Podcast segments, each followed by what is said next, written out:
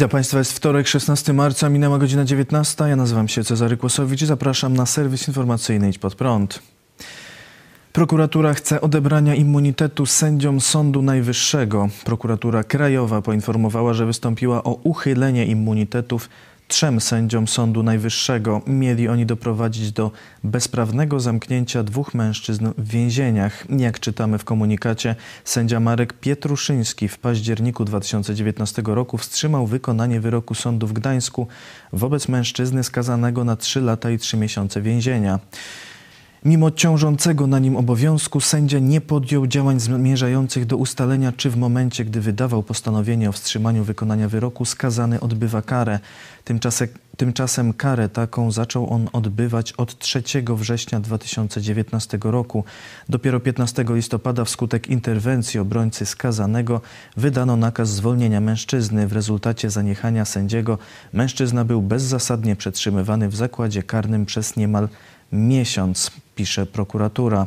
Z kolei sędziowie Andrzej Stępka i Włodzimierz Wróbel zasiadali w składzie Sądu Najwyższego, który w październiku 2019 roku uchylił wyrok Sądu Okręgowego w Zamościu wobec mężczyzny skazanego na dwa lata pozbawienia wolności za spowodowanie wypadku ze skutkiem śmiertelnym. Wbrew obowiązkowi nie sprawdzili, czy kara jest już wykonywana. Kroki takie podjęto dopiero po telefonie funkcjonariusza służby więziennej. Wskutek zaniechań sędziów mężczyzna spędził bezprawnie ponad miesiąc w zakładzie karnym, podaje prokuratura krajowa. Prokuratura zamierza po uchyleniu sędziom immunitetów postawić im zarzuty nieumyślnego niedopełnienia obowiązku rozstrzygania spraw zgodnie z obowiązującymi przepisami. Sędziowie ci orzekają w Izbie Karnej Sądu Najwyższego. Jej prezes, sędzia Michał Laskowski, stwierdził w rozmowie z Polską Agencją Prasową, że sprawy wymienione przez prokuraturę były szczegółowo badane, a winnymi zaniedbań uznano byłych pracowników Izby, którzy zostali ukarani dyscyplinarnie. Podkreślił, że jednym z sędziów objętych wnioskiem jest Włodzimierz Wróbel, który uzyskał najwięcej głosów spośród kandydatów na pierwszego prezesa Sądu Najwyższego. Andrzej Duda mianował jednak sędzię Małgorzatę Manowską, która wcześniej była zastępczynią ministra Zbigniewa Ziobry. Włodzimierz Wróbel krytykuje postępowanie obecnej władzy w sprawie sądów. Niestety pierwsze, co się nasuwa, to są motywacje powiązane z tym, powiedział sędzia Laskowski. W rozmowie z Okopres Laskowski stwierdził, w Sądzie Najwyższym jest od dawna praktyka i ona się nie zmieniła, że to kierownik sekretariatu i protokolant z danej sprawy wykonują orzeczenia skutkujące uruchomieniem procedury zwolnienia z aresztu. Na tysiące wydawanych orzeczeń zdarzyły się dwa przypadki, w których tego nie zrobiono. W tych dwóch sprawach to kierowniczka i protokolant nie wykonali zwolnienia z aresztu to oni zawsze przystawiali nakaz zwolnienia i to było wysyłane do aresztu. Było przeciwko nim postępowanie dyscyplinarne, kierowniczkę zwolniono dyscyplinarnie, a protokolant dostał naganę, relacjonuje sędzia. Polski rząd wygrał z Unią, może wprowadzać kolejny podatek. Trybunał Sprawiedliwości Unii Europejskiej oddalił skargę Komisji Europejskiej na wprowadzony w Polsce podatek od sprzedaży detalicznej. Przepisy o podatku handlowym weszły w życie jeszcze w 2016 roku, ale po wszczęciu postępowania przez Komisję Europejską zawieszono jego stosowanie. Zawieszenie trwało do końca zeszłego roku. Bruksela argumentowała, że konstrukcja podatku faworyzuje małe sklepy i może być pomocą publiczną. W 2019 roku Polska po raz pierwszy wygrała sprawę dotyczącą podatku, jednak Komisja Europejska złożyła odwołanie. Dziś Trybunał wydał ostatecznie wyrok i oddalił odwołanie komisji. Sędziowie stwierdzili, że państwa członkowskie mają swobodę w ustanawianiu systemu opodatkowania, który uznają za najbardziej odpowiedni, a więc stosowanie opodatkowania progresywnego w oparciu o obroty zależy od uznania każdego państwa członkowskiego, pod warunkiem, że konstrukcja nie jest w oczywisty sposób dyskryminująca.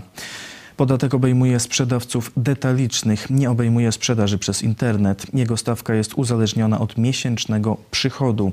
Dla przychodów poniżej 17 milionów złotych miesięcznie nie pobiera się podatku. Dla przychodów powyżej 17 milionów, ale poniżej 170 milionów stawka wynosi 0,8%, a dla przychodów wyższych 1,4%.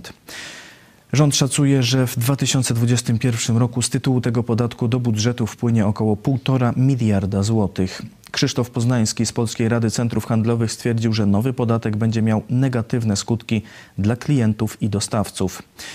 Wprowadzenie podatku handlowego od tego roku dodatkowo osłabi kondycję i tak już mocno dotkniętych pandemią przedsiębiorstw działających w sektorze handlowym. Niewykluczony jest wzrost cen detalicznych oraz presja na obniżenie cen u dostawców. Poza skutkami pandemii mamy do czynienia ze zmianą struktury popytu w handlu. Szczególnie w czasie ograniczeń w handlu klienci korzystają z zakupów przez internet, co powoduje niższą rentowność sklepów, do której innymi przyczynił się także zakaz handlu w niedzielę. W czasie, kiedy przedsiębiorstwa potrzebują wsparcia i jak najniższych obciążeń w postaci danin i podatków, rząd wprowadził podatek od sprzedaży detalicznej oraz podatek cukrowy i opłatę mocową, powiedział Poznański. Prezes PKN Orlen Daniel Obajtek złożył w Centralnym Biurze Antykorupcyjnym wniosek o skontrolowanie jego majątku. Składam do CBA wniosek o weryfikację moich finansów do 16 marca 2021. Kontrola zostanie przeprowadzona przez właściwe służby, a nie posłów opozycji robiących happeningi przed moim domem, napisał Obajtek na Twitterze. Pełnomocnik prezesa Orlenu mecenas Maciej Zaborowski podkreślił, że oświadczenia Daniela Obajtka były w przeszłości badane przez CBA i prokuraturę. Ta inicjatywa ma tylko podkreślić, że jest osobą absolutnie czystą i nie ma nic do ukrycia. Wniosek ma charakter całościowy, dotyczy całościowego zbadania majątku i oświadczeń majątkowych Daniela Obajtka, powiedział Zaborowski. CBA oświadczyło, że podejmie czynności w sprawie. Przypomniało, że weryfikowało już oświadczenia Obajtka z lat 2006-2010 oraz 2013-2018. W związku ze sprawą do prezesa Orlenu zaapelowali posłowie Lewicy. Panie prezesie, jeżeli pan jest człowiekiem honoru i jeżeli pan rzeczywiście nie ma nic do ukrycia, wszystko, co pan zdobył, to pana krwawica, ciężka praca od rana do nocy, to proponujemy panu, żeby zrobił pan to, co my dzisiaj robimy z panem posłem Iwaniakiem. Pokazujemy publicznie nasze oświadczenia majątkowe, z których bardzo jednoznacznie wynika, jakie mamy nieruchomości, ile zarobiliśmy, jakie mamy kredyty i jaki mamy majątek. To naprawdę najbardziej sprawiedliwy, rzetelny, rozsądny sposób na to, aby zczyścić z siebie i zmyć z siebie te wszystkie, jak pan uważa, oskarżenia, które idą pod pana stronę. Wychodzi pan na konferencję prasową, tak jak my, pokazuje pan oświadczenia majątkowe. Wszyscy, wolne media, parlamentarzyści mogą sprawdzić, zweryfikować. Jeżeli jest w porządku, nie ma sprawy. Ale jeżeli pan tego nie robi, a posługuje się pan tylko politycznym Centralnym Biurem Antykorupcyjnym, to znaczy, że pana sumienie jest bardzo, ale to bardzo brudne. Służba kontrwywiadu wojskowego wykryła rosyjskiego szpiega. Jewgenij Reszetniew, obywatel Rosji, oficjalnie pracujący jako reporter rosyjskiej telewizji, został wpisany na listę osób niepożądanych w Polsce. Jak przekazał rzecznik ministra koordynatora służb specjalnych, mężczyzna przedstawiający się jako reporter rosyjskiej telewizji prowadził działalność wykraczającą poza ramy pracy dziennikarza. Z materiałów zgromadzonych w tej sprawie przez Służbę Kontrwywiadu Wojskowego wynika, że Reszetnie wgromadził informacje wykorzystywane do rosyjskich działań przeciwko Polsce, w tym działań o charakterze dezinformacji. Aktywność Reszetniewa zagrażała interesom Polski, a także siłom sojuszniczym stacjonującym w Polsce. Mężczyzna został objęty zakazem wjazdu do Polski na okres pięciu lat oraz zakazem wjazdu do strefy Schengen przez trzy lata. Rzecznik ministra koordynatora przypomina w komunikacie, że rosyjscy dziennikarze pracujący w Polsce stanowią grupę wykorzystywaną do działań informacyjnych prowadzonych przez Federację Rosyjską przeciwko Polsce, krajom NATO i Zachodowi. Polska jest jednym z głównych celów walki informacyjnej prowadzonej przez Rosję. 372 zgony i ponad 14 300 zakażeń koronawirusem z komunistycznych Chin. To najnowsze dane podane przez Ministerstwo Zdrowia. Łącznie z powodu wirusa w Polsce zmarło już ponad 47,5 tysiąca osób. O ponad 900 wzrosła od wczoraj liczba hospitalizowanych osób zakażonych i obecnie wynosi ponad 21 100. W użyciu jest ponad 2100 respiratorów. W Polsce wykonano już ponad 4 miliony 550 tysięcy szczepień przeciw koronawirusowi, w tym 23 tysiące wczoraj. Dwie dawki szczepionki otrzymało już ponad 1 600 tysięcy osób. Stwierdzono 4800 przypadków niepożądanych odczynów poszczepiennych. Wiceminister zdrowia Waldemar Kraska w Polskim Radiu zwracał uwagę na szybki przyrost liczby pacjentów wymagających hospitalizacji. Przez ostatnią dobę około 900 łóżek zostało dodatkowo zajętych przez pacjentów z koronawirusem, czyli bardzo dużo. Także niestety bardzo niepokojące jest w tej chwili to, co obserwujemy, że coraz młodsi ludzie jednak trafiają do polskich szpitali. To jest bardzo niepokojące, ponieważ ci młodzi ludzie także w sposób dość gwałtowny i ciężki przechodzą zakażenie koronawirusem, powiedział Kraska. Rzecznik Ministerstwa Zdrowia Wojciech Andrusiewicz poinformował, że decyzja o rozszerzeniu obostrzeń na kolejne województwa lub na cały kraj zostanie podjęta w czwartek lub w piątek. Przekazał, że niepokojąca sytuacja jest w województwach śląskim, kujawsko-pomorskim, podkarpackim, wielkopolskim i dolnośląskim. Jak informuje RMF FM, zakażony koronawirusem wicepremier Jarosław Gowin trafił do szpitala. Stan lidera partii Porozumienie jest stabilny. Francuskie Ministerstwo Zdrowia poinformowało, że w Brytanii zaobserwowano nową mutację koronawirusa. Badania wykazały, że nowy wariant nie jest bardziej zaraźliwy. Zakażeniu towarzyszą objawy typowe dla zakażenia koronawirusem, ale nie wykrywają go istniejące testy PCR. W Norwegii władze Oslo wprowadziły wczoraj nowy, najostrzejszy od początku pandemii zestaw restrykcji. Burmistrz Oslo Raymond Johansen poinformował, że z powodu brytyjskiej mutacji wirusa sytuacja epidemiczna w mieście jest najpoważniejsza od roku. Dlatego nauka odbywać się będzie w trybie zdalnym. Zamknięte zostaną lokale gastronomiczne i usługowe oraz placówki kulturalne. Szczepionka AstraZeneca została wycofana z obiegu w kolejnych państwach w Słowenii, Łotwie i Szwecji. Światowa Organizacja Zdrowia natomiast w opublikowanym wczoraj oświadczeniu utrzymuje, że preparat jest bezpieczny i nie ma dowodów na związek między szczepieniem a pojawieniem się poważnych problemów zdrowotnych czy zgonami.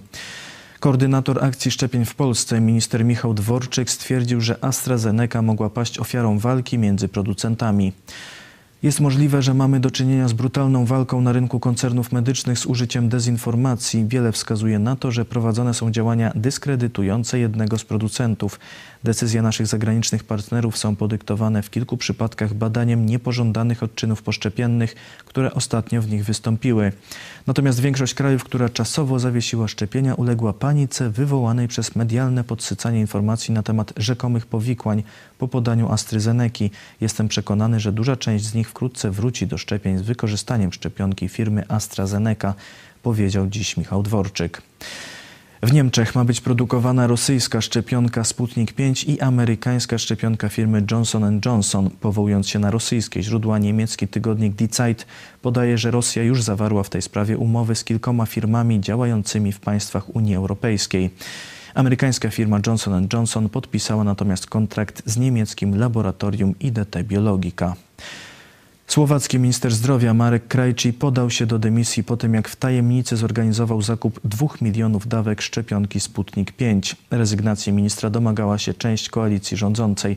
Premier Igor Matowicz zapowiedział, że wymiana na stanowisku może potrwać kilka tygodni. Amerykanin polskiego pochodzenia, kandydatem na burmistrza Nowego Jorku. Curtis Sliwa, Amerykanin o polskich korzeniach, ogłosił swoją kandydaturę na burmistrza Nowego Jorku. Hasłem jego kampanii wyborczej jest stwierdzenie Ratujmy nasze miasto. Rozpoczynając kampanię wyborczą, Sliwa wytłumaczył powód decyzji o startowaniu w wyborach.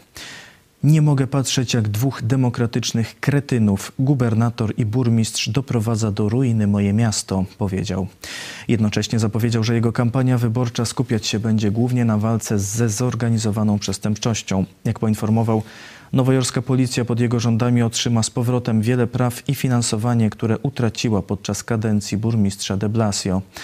Curtis Sliwa walczy z przestępczością od, od, lat. W latach 70. założył organizację Guardian Angels, która pomaga policji w walce z gangami.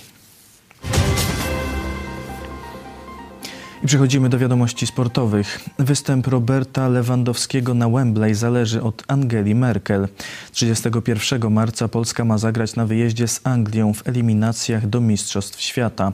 Obecnie występ naszego kapitana w tym meczu jest niemożliwy, dlatego że Niemcy uznają Wyspy Brytyjskie za obszar najwyższego ryzyka ze względu na rozprzestrzeniającą się tam mutację koronawirusa.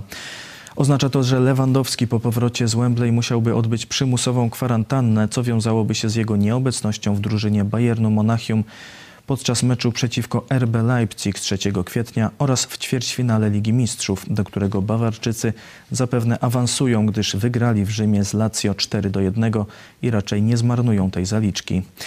Władze Bayernu Monachium nie zgadzają się na nieobecność Roberta w tych meczach. W podobnej sytuacji jest Krzysztof Piątek, gracz niemieckiej Herty. Jeśli w środę 17 marca rząd Angeli Merkel nie złagodzi obostrzeń, to Lewandowski i Piątek nie zagrają w najważniejszym meczu tego półrocza dla polskiej reprezentacji. Zajmujący 35. miejsce w rankingu ATP Hubert Hurkacz zmierzy się z 12 w tym zestawieniu Denisem Szapawolowem w meczu 1-8 finału turnieju ATP w Dubaju. Do tej pory Polak grał przeciwko Kanadyjczykowi dwukrotnie. Za każdym razem wygrywał. Ostatnim przeciwnikiem Huberta Hurkacza był Francuz Richard Gasquet którego pokonał 6-3-6-4. Na kortach w Dubaju Polak najlepiej zaprezentował się dwa lata temu. Doszedł wtedy do ćwierćfinału. Kanadyjczyk w Dubaju gra po raz pierwszy. Mecz odbędzie się w środę o godzinie 11.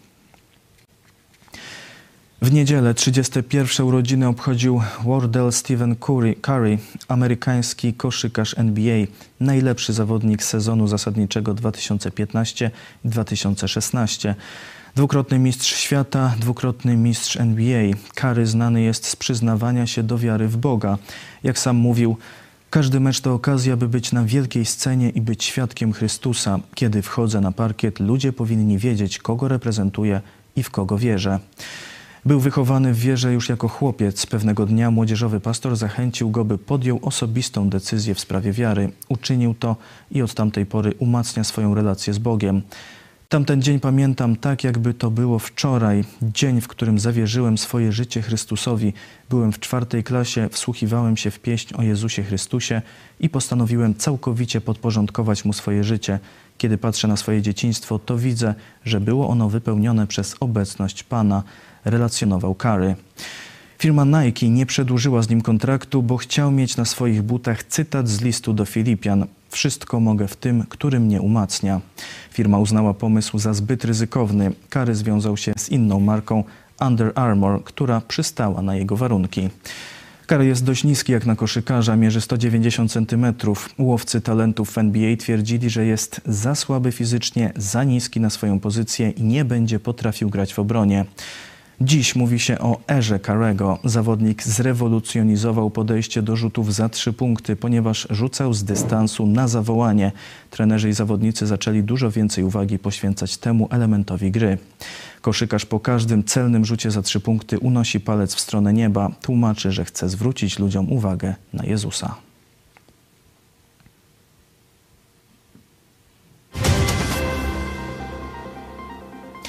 To wszystko w tym wydaniu serwisu. Dziękuję Państwu za uwagę. Przed chwilą mówiliśmy o tym, co się działo, a o 20.30 będziemy mówić o tym, co będzie się działo w Biblii w czasie zarazy. Lektura Księgi Apokalipsy. Zapraszam na 20.30. Do zobaczenia.